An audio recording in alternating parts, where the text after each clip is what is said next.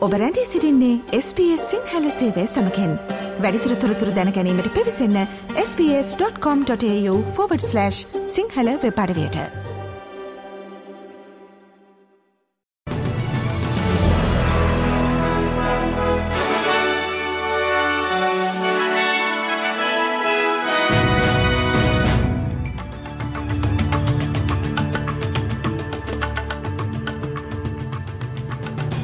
අද පෙබරවාරි දොළහා සඳුදා SBS සිංහල සේවේ ප්‍රෘතිගෙනෙන මම දිනේශ් ලියනගේ.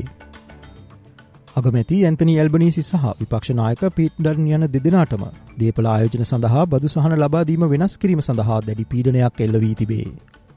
පාර්ලිමේන්තුවේ තවත් රැස්වීම් සතියක් අද දිනයෙන් ආරම්භවන බැවින් බදු ප්‍රතිසංස් කරන මෙහිදී මූලික වශයෙන් විවාදයට ගනු ඇති බව විශ්වාස කරේ. නිකටව් ගියරින් සඳහා අවස්ථාව ලබා දෙන ලෙස ග්‍රීන්ස් පක්ෂය යෝජනා කර තිබේ. මෙහිදී නිවා සහ දේපල ආයෝජකින් සතු එක ආයෝජනයක් සඳහා පමණක් මෙම බදු සහනය ලබා දෙන ලෙස යෝජනා කර තිබේ. නමුත් එය ආණ්ඩු පක්ෂය සහ විපක්ෂය විසින් ප්‍රතික්ෂේප කර ඇත. ලිබරල් සන්ධානය විසින් බදු කාණ්ඩ ඉලක්ක කර නව බදු සංශෝධන කිරීමට යෝජනා කළත්. රජයේ නව බදු සංශෝධන යෝජනා නිරවද්‍ය බවත් විපක්ෂයට මේ සම්බන්ධව නිසි අදහසක් නොමැති බවත් ඇන්තනි ඇල්බනීසි පවසා සිටී. All 13.6 million taxpayers will get a tax cut, and 84% of Australians will get a higher tax cut. Peter Dutton wants to talk about anything but what's happening. He wants to talk about what's not happening. Peter Dutton wants Australians to work longer for less. What Peter Dutton wants is lower wages, more taxes on low and middle income Australians, and to continue to wind back any reforms that are made in the interests of working people. වීලයින් කාර්ය මණ්ඩලය අකණ්ඩ වැඩවර්ජනයක් ආරම්භ කර ඇති බැවින් අද දවසපුරා ප්‍රාදේශය වික්ටෝරයානු මාර්ගවල සහ දුම්රිය මාර්ගවල ප්‍රමාදවීම් සහ මගී තදබදයන් ඇතිවීම අපේක්ෂා කෙරේ. අලුයම තුනේ සිට හත දක්වා කිසිදු දුම්රියක් ධාවනය නොවේ. සෑම දුම්රියක්ම නැවත ධාවනය අරමණතෙක් කාලසටහන සාමාන්‍ය තත්ත්වයට පත් නොවනු ඇත. මේ හේතුවෙන් දුම්රිය ධාවන කටයුතු වල සැලකයුතු ප්‍රමාදයන් අපේක්ෂා කෙරේ. හැකිතාක් ගමනා ගමන කටයුතු අඩු කරන ලෙස ප්‍රවාහන දෙපාර්තමේන්තුව ජනතාවට උපදෙස් දෙෙහි. මෙහිදී අඩු දුම්රිය ප්‍රමාණයක් ධාවනය හේතුවෙන් පැය දෙක පමණ අමතර කාලයක් ප්‍රමාදවිය හැකි බව අපේක්ෂා කෙරේ. රැකයා සුරක්ෂිත භාවය සහ වැටුප් සම්බන්ධ කාරණ මෙම අකණ්ඩ වැඩවර්ජනයට හේතුවී තිබේ. පෙර පැවති සන්ධාන රජයේ හිටපු නියෝ ජගමැති බානවී ජොයිස් පසුගිය බදාදා කැන්බරානුවර මාර්ගයක් අසල බීමතින් වැතිර මුමනමින් සිටින වීඩියෝවක් නිකුත් වී තිබේ. එම සිද්ධිය ගැන ප්‍රකාශයක් නිකුත් කරමින් බානවී ජොයිස් කියා සිටියේ. තමන් එම සිද්ධිය ගැන කනගාටුවට පත්වන බවයි. Uh, look, I'm uh, obviously, uh, you know, I, I made a big mistake. Uh, there's no excuse for it. There's a reason. And, um, you know, this a, a very eventful walk home, wasn't it? So, anyway, that's, uh, um, you know, I should have followed the. I, I'm on a prescription uh, drug, and they say certain things may happen to you if you drink and they were absolutely 100% right. They did. මෙහිදී මත් පැන් සහ ඔහු ලබාගන්න ඖෂධ මිශ්‍රවීම නිසා මෙසේ සිදුව බව ප්‍රකාශ වුවත්. අකමැති ඇන්තනි ඇල්බනීසි සහ විපක්ෂනායක පීට ඩටන් යන දෙදෙනාම සිද්ධිය සම්බන්ධයෙන් පැහැදිලි කිරීමක් ඉල්ලා තිබේ.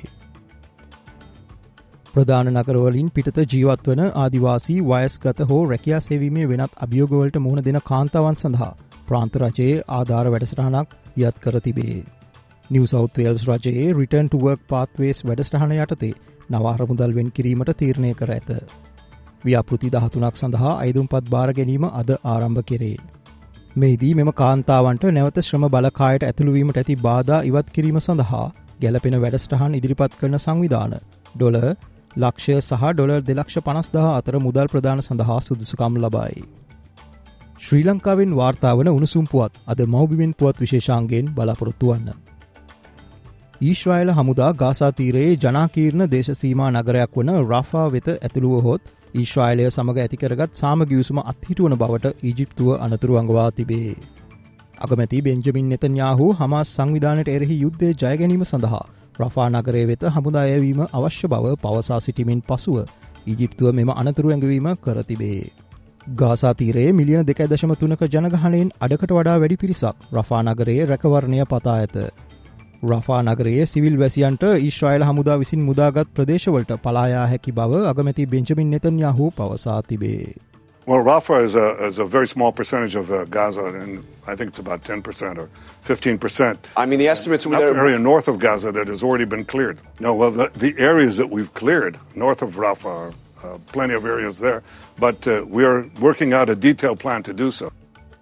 ශ්‍රී ලංකාව සහ ඇෆගනිස්ථානය අතර පැවති දෙවන එක්දින තරගෙන් ලකුණු එකසිය පනස් පහක විශිෂ්ට ජයක් ලබා ගැනීමට ශ්‍රී ලංකාව ඊයේ රාත්‍රියයේ සමත් වී තිබේ.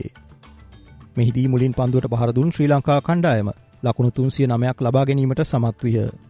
මෙම ඉලක්කය හබාගේ ඇෆගනිස්ථානු කණ්ඩායමට පන්දුවරති සතරක් තුළ සියලු දෙනා දැවී ලබාගත හැකි වූයේ ලකුණු එකසිය පනස්තුනක් පමණයි. මෙහිදී විශිෂ්ට පන්දුයමික නිරතු වනිදු හසරංග ලකුණු විසිහතකට කඩලු හතරක් දවා ගැනීමට සමත් වී තිබේ.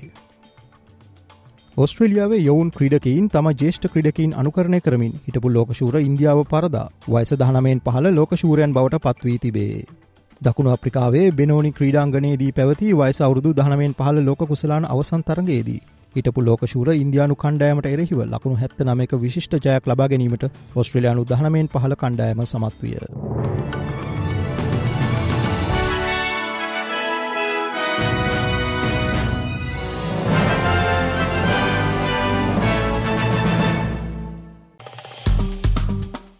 ලයි කරන්න ෂයා කරන්න අදහස් ප්‍රකාශ කරන්න SBS සිංහල ෆස්බුක් පිටුව ෆලෝ කරන්න.